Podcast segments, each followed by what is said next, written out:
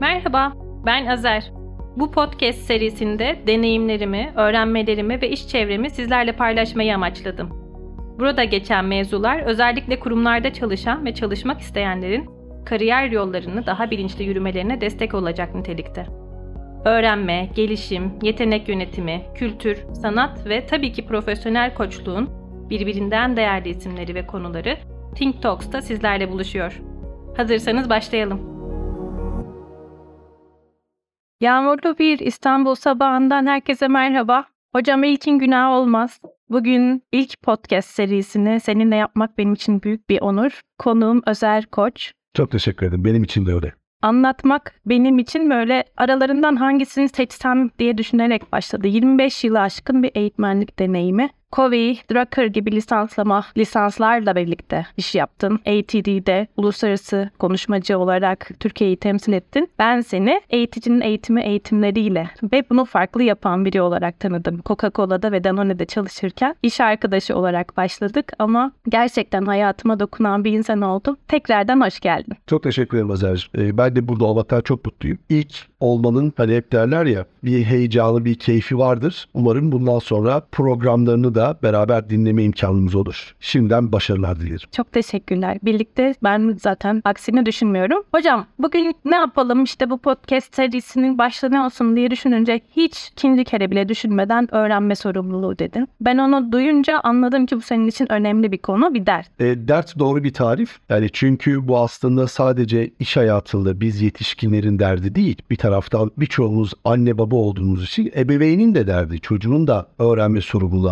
almaması ama bugünkü sohbet konusunu biz tabii iş hayatıyla sınırlayalım. Yetişkinler, iş arkadaşlarımız, çalışanlar neden öğrenmiyor? Öğrenme isteği neden az ya da öğrenme sorumluluğu neden almıyordun? Cevaplarını beraber bulabiliriz diye ümit ediyorum. Ben hala cevaplarını bulamadım. Aramaya devam ediyorum. Hocam özellikle Türkiye'de okumuş, büyümüş biri olarak bu çok zor hakikaten. Ben de koçluklarda çok karşılaşıyorum. Kendimde düşününce çok da anlıyorum. Benim şöyle bir hikayem var. Üniversitede işte lisans okuyorum. Sonra işte yüksek lisans yapmaya gittim. Hiç lisans dersleri ile böyle okuduğum şeylerin e, sorulduğu bir e, sistemle karşılaşmadım. Ben İngiltere'ye gitmiştim yüksek lisans okumak için. Annemi aradım bir gün. Anne dedim yani işte 2-3 okuma şeyi veriyorlar, kaynağı veriyorlar. E, derslerin sorularda, sınavlarda ne soracaklarını hiç bilemiyorum. Ne yapacağımı şaşırdım ve şöyle bir soru sordu. Benim annem ilkokul mezunu. Böyle kendi kendine e, okuyup lise mezunu olmayı başarmış bir kadın. Senin yüksek lisans seviyesinde ne okuyacağını kendin karar vermen gerekmez mi? Çok doğru bir tespit. Yani artık bu deneyimle beraber okur yazarlığı da çözmemiz. Hani hep konuşuruz ya dijital okur yazarlık ya da haberlerin doğru olup olmadığını bile bizim kendi kendimize test etmemiz, denememiz gerekirken biz ne yazık ki ister istemez bu armut piş ağzıma düş şeklinde biraz daha pasif bir yerden öğrenmeyi seçiyor. Yani öğrenme sorumluluğu almak yerine diyoruz ki e, çalıştığım şirket bana eğitim versin ya da işte çalıştığım departman yöneticim karar versin. Oysa farklı konularda bütçe yönetirken, proje yönetirken,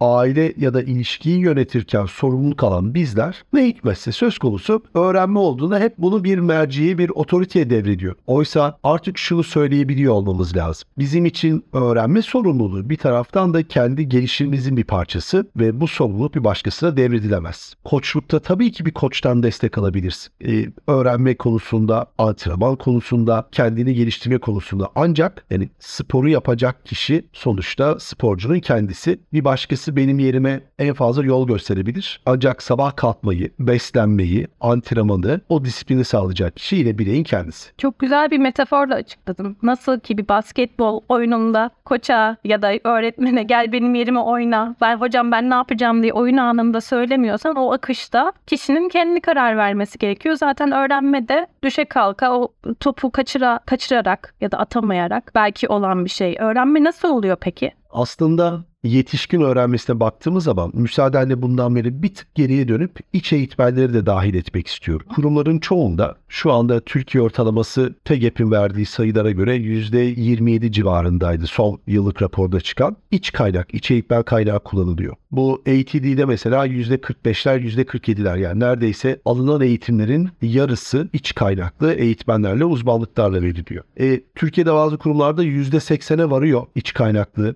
iç eğitmenlerin kullanımı. Ancak iç eğitmenleri de buna dahil etmemin esas sebebi şu. İster istemez eğitim ortamında dinleyici ya da izleyici gibi daha pasif bir yerde kalıyorlar. E nasıl olsa içeride eğitmenim var. İhtiyacım olduğunda tekrar sorarım, öğrenirim. Öğrenme ihtiyacı ortaya çıkmıyor. Bunu çünkü her ne kadar biz performansa bağlasak da e, çok önemli bir ihtiyaç olarak gözükmüyor. Ya, hedefi tutturmak daha önemli, kendimi geliştirmek yerine. Bence bir noktada şunu da dahil edelim. Gelecek ve kariyer planlaması açısından o kadar çok biz bugün artık günü kurtarmakla boğuşuyoruz ki yangın söndürmekle, fırtınada hayatta kalmakla. E bundan iki sene sonra, üç sene sonra açılacak bir pozisyonu biliyorum. Diyelim ki işte Fransızca ihtiyacı var. E senin Fransızcan var. Lise yıllarında almışsın, benim Fransızcam yok. Ve ben buna hazırlık yapmak yerine 3 sene sonra seni suçlamayı tercih edebiliyorum. Diyorum ki e Azer şanslı tabii onun zaten Fransızcası var. Ya arkadaş senin de 3 yıldır bundan haberin vardı. Bu 3 sene içerisinde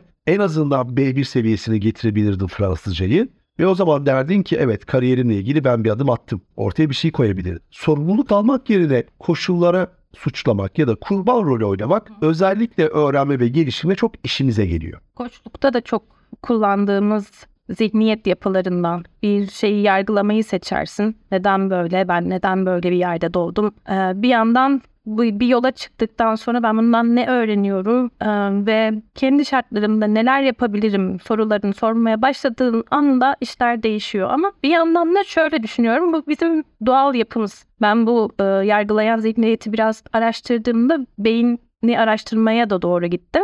Ve hani bizim ilkel beynimizde bir şeyi gördüğümüz zaman bir e, yaratığı ya da vahşi bir hayvanı kaçmamız gerekiyor veya hemen tepki vermemiz gerekiyor. O da bir ilkel bir tepki ama bunu fark edip artık modern çağda yaşıyoruz. Nasıl e, üstesinden gelebiliriz? Artık suçlamak bir işe yaramıyor. Eninde sonunda biz kalıyoruz olduğumuz yerde. Bir ileriye nasıl gideceğiz? Çağı nasıl yakalayacağız der, dediğimiz anda işler değişiyor sanki. Bugün 1970'te Alvin Toffler'ın yayınladığı Gelecek Korkusu, The Future Shock ya da Shock diye çevrilmiş sahaflarda bulabiliriz o kitabı. Kitabı tekrar okumaya başladığımızda karşımıza şöyle bir tablo çıkıyor. 1970'te yazmış Toffler ve Toffler diyor ki 21. yüzyılda sürdürülebilirlikle uğraşacaksınız yenilenebilir enerji kavramı gündemimize gelecek. Düşün 70'lerden bahsediyoruz. Petrolün en bol olduğu dönem ama e, yenilenebilir enerji ve sürdürülebilir kavramlarını atıyor. Bilgisayarların oda büyüklüğünde olduğu bir dünyada diyor ki bilgisayarlar küçülecek, eve girecek. Daha internetin iyisi yok. Diyor ki uzaktan çalışma gelecek. Hatta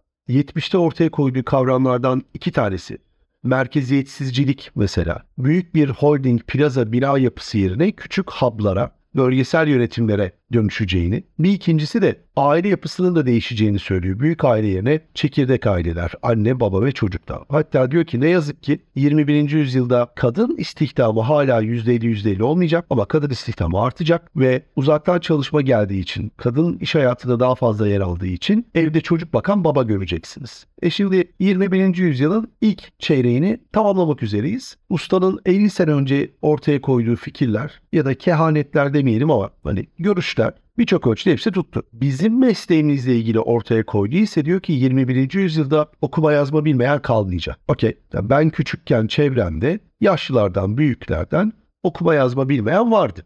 İlkokulda mesela arkadaşlarımın annesi babası ya da işte büyük anneleri, büyük babaları. Son 40 yılda bu konuda çok ciddi bir çalışma var. Hem Anadolu Üniversitesi'nin hem TRT'nin işte o uzaktan öğrenmenin ilk dönemleri 20 sene 30 sene önceki televizyon yayınları. Ee, bir taraftan bununla beraber Açev'in, Ana Çocuk Eğitim Vakfı, TEB'in, Türk Eğitim Vakfı. Çok ciddi bir seferberlik var. Bugün artık okuma yazma bilmeyen kalmadı diyebiliriz. TÜİK sayısı %92, %92,5 civarındaymış. Güncel halini kontrol etmedim ama yani okuma yazmayı büyük ölçüde çözdük. Bir parantez açıyorum. Bugün belki de okuma yazmayı da yeniden konuşacağız. Çünkü 2 yaşında bir çocuğun işte telefonu eline alarak Pepe diyerek sesli komutla istediği Pepe diye bir video varmış anladığım kadarıyla. Biliyorum. Benim kız 2005 model. Büyüdü gitti artık. Ama yani birkaç ses çıkartarak sesli komutla bir tableti yönetebiliyor. Hı hı. Daha iyi yönetebiliyor. Annem 60 yaşında. Ee, klavye girişine ihtiyaç kalmayabilir. Çünkü sesli komutla devam ediyor. Eskiden bir ses kaydı gönderirdik. Bugün sesi doğrudan bekle çeviriyor. Belki de okuma yazmanın yazma kısmı da değişecek ve biz bunun üzerine yeni bir dünya inşa etmek zorunda kalacağız. Ve ben çocuğun eline kalem verdiğimde artık bakıyor diyor ki niye parmakla yapmıyorum? Niye kaleme ihtiyacım var? Bana hala merdiven çizdiriyorsun kalemle. Oysa onlar sesli komutlarla çözecek. İkinci kısmı yani bu öğrenme sorumluluğu kısmı ile ilgili Toffler diyor ki kendi kendine öğrenemeyene cahil diyeceğim. 21. yüzyılda okuma yazma bilmeyen kalmayacak ama kendi kendine öğrenemeyene cahil. Bu sözü artık herkes sunumlarında, zirvelerde veya konferanslarda kullanıyor. En çok bilinen sözü o. Tabii ya bunun temel sebebi de pandemiyle beraber artık bu da hani popüler slaytlardan birine geldi. Nokia nasıl battı, Kodak nasıl battı slaytlarıyla beraber işte Uber'in arabası yok, Airbnb'nin hiç odası yok hikayesi.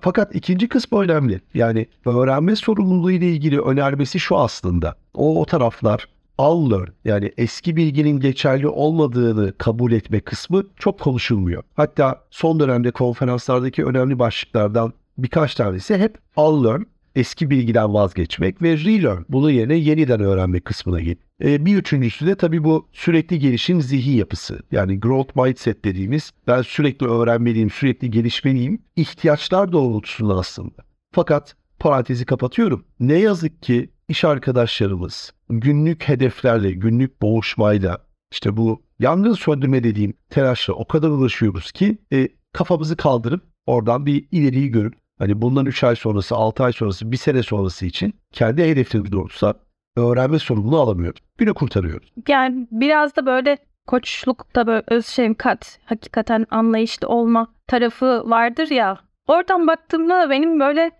Hakikaten çok fazla bilgi var hocam ve her çok şey bekleniyor öğrenmek adına. Burada biraz tüyo gerekiyor. Nasıl bu e, daha da kaotikleşen, böyle geleceğe daha da yaklaştığımız dünyada böyle ufak tüyolarınız var mı sizin de uyguladığınız? İlginç olan ben e, ortaklıklarımı devrettiğim zaman kendime eğitmen dışında bir başlık bulmaya çalıştım. Yaptığım işi tarif etmek için. İşte eğitim mimarı ya da gelişim mimarı gibi bir kavram ortaya koymaya çalıştım. Bu konuda da hakikaten piyasadaki bildiğimiz, sevdiğimiz birçok akademi başkanıyla görüştüm, sohbet ettim. Hatta bir ara küratör demeyi düşünüyordum. Çok prim yapmadı. Çok havalıydı ama çok prim yapmadı. Küratörü başka bir sohbet konusu yaparız e, gelişimi tasarlayan, gelişimi ya da eğitimi, işte eğitim mimarı, gelişim tasarımcısı dediği yerde aslında bu ipuçları var. Çünkü kaynak neredeyse sonsuz ancak erişim daha kolay, tüketim daha kolay. Tek kaynağımız, sınırlı kaynağımız zaman. Biz zaman bulamıyoruz. Kaynaklara ulaşmakla ilgili çok büyük bir sıkıntımız yok artık. Bu aşamada belki bir danışman evet yol gösterici olabilir ama eşlik etmiyor artık. Yani o, o ihtiyacı, o motivasyonu önce kendi içinden çıkartman gerekiyor. Ki ondan sonra arayış başladığında evet bir danışman bu konuda zaten senin için daha uygun ya da daha pratik olacak kısa bir liste hazırlayabilir. Ancak e, kısa bir listeyi hazır verdiğimizde işte o hep kaşıkla beslemek dediğimiz yer o çocukluk tepkisine geri dönüyor faydalanmıyor. Küratör kelimesini biraz daha ilgi çekici buluyorum yeni yeni kullanmaya başladık bazı sohbetlerde. Tıpkı bir sergi alanındaki, tıpkı bir e, galerideki gibi doğru sanat eserlerinin birbiriyle uyumlu bir şekilde yan yana getirilmesinden sorumlu diyeceğim kabaca küratörü. E burada da örnek veriyorum herhangi bir beceri gelişimini konuşuyorsak, geri bildirim becerisi, diyalog becerisi ya da yönetsel becerilerde o zaman senin için hangi parçalar daha kolay yan yana gelir? Aha. Hangi parçalar daha kolay bir arada anlam bütünlüğü sağlar? Destek alınabilir. Ha, bu arada bunu kapatmamın sebebi şu. Bir sanat eserinden keyif almak için illa bir küratöre ihtiyacımız yok aslında. E, kendi yolumuzu çizmek, bence özgün yolumuzu çizmek daha da kıymetli olacak. Tabii ki zaten bilinen bazı temel esasları yeniden keşfetmeye gerek yok ama Bugün işte liderlik dediğimizde, yöneticilik dediğimizde, bunların ayrımı dediğimizde piyasada 18 tane 20 tane model var ve bunlar için artık o uzun gelişim programları ihtiyaç yok. Temeli çok hızlıca alıp kendi özgün tarzımızı oluşturabiliriz. Öğrenme açlığıyla, öğrenme isteğinin devamlılığıyla tabii ki. Senin söylediklerinden anladığım temel olan kişinin kendi ihtiyacını belirlemesi, o başkasının kaşıkla vermesi işe yaramıyor. Çocukta da işe yaramıyordu. Yetişkinde zaten işe yaramıyor. Yetişkinde zaten işe yaramıyor. O alma e, haznesi az, azalıyor zaten yaş ilerledikçe. Bir süre sonra da e, tek başına olmasına da gerek yok. Küratörler, danışmanlar gibi destekler var. Varsa öyle etrafta onlardan yararlan ama yoksa da kendinde yolunu çizebilirsin. Burada gel bir de şuna girelim. Sadece bir merhaba demek için öğrenme tarzı, öğrenme tercihleri dediğimizde bugün NLP'cilerin çok pratik anlamda kullandığı VAK modeli işte görsel, işitsel, kinestetik, hı hı. Ee, doğrudur. Modele bir şey diyecek durumda değilim. Öyle bir hadsizlik yapamam. Ancak yeterli değil. Yani en az 8 farklı öğrenme tercihi var. Bireysel öğrenenler, sosyal öğrenenler, soyut kavramsallaştıranlar, Aha. e, tüme varımcılar, tümden gelimciler. O yüzden bu iş aslında önce özgün öğrenme tercihini bulmakla başlayabilir. Örnek veriyorum bugünkü sohbette yani espri değil ama gerçekten ben podcast'in bir öğrenme aracı olduğunu düşünmüyorum. Aha. Eğer bunu ısrar edersen bu benim ayıbım. Çünkü tanıdığım birçok meslektaşın, birçok iş arkadaşın araçta, seyahat halinde son derece rahat bir yolculuk esnasında bir podcast'ten bir şeyler öğreniyorlar. Ben öğrenmeyi tercih etmiyor olabilirim podcast'te ama podcast bir öğrenme aracı değildir diyemem. Tıpkı yani YouTube'dan öğrenmek de bir tercihtir. Bazıları için son derece anlamlıdır. YouTube'dan alıp yemek tarifine bakıp yemek yapmayı da öğrenebilirsin. Ancak temel sıkıntılardan bir tanesi bir başkası için mutlaka sosyal bir öğrenme, birine soru sormaya ihtiyacı vardır. Bu yüzden bu girişi böyle kapatalım. Öğrenme tercihini bilmek de bir yetişkin için çizeceği yol haritasında hangi metotları, hangi araçları kullanacağını bulması açısından bence çok önemli.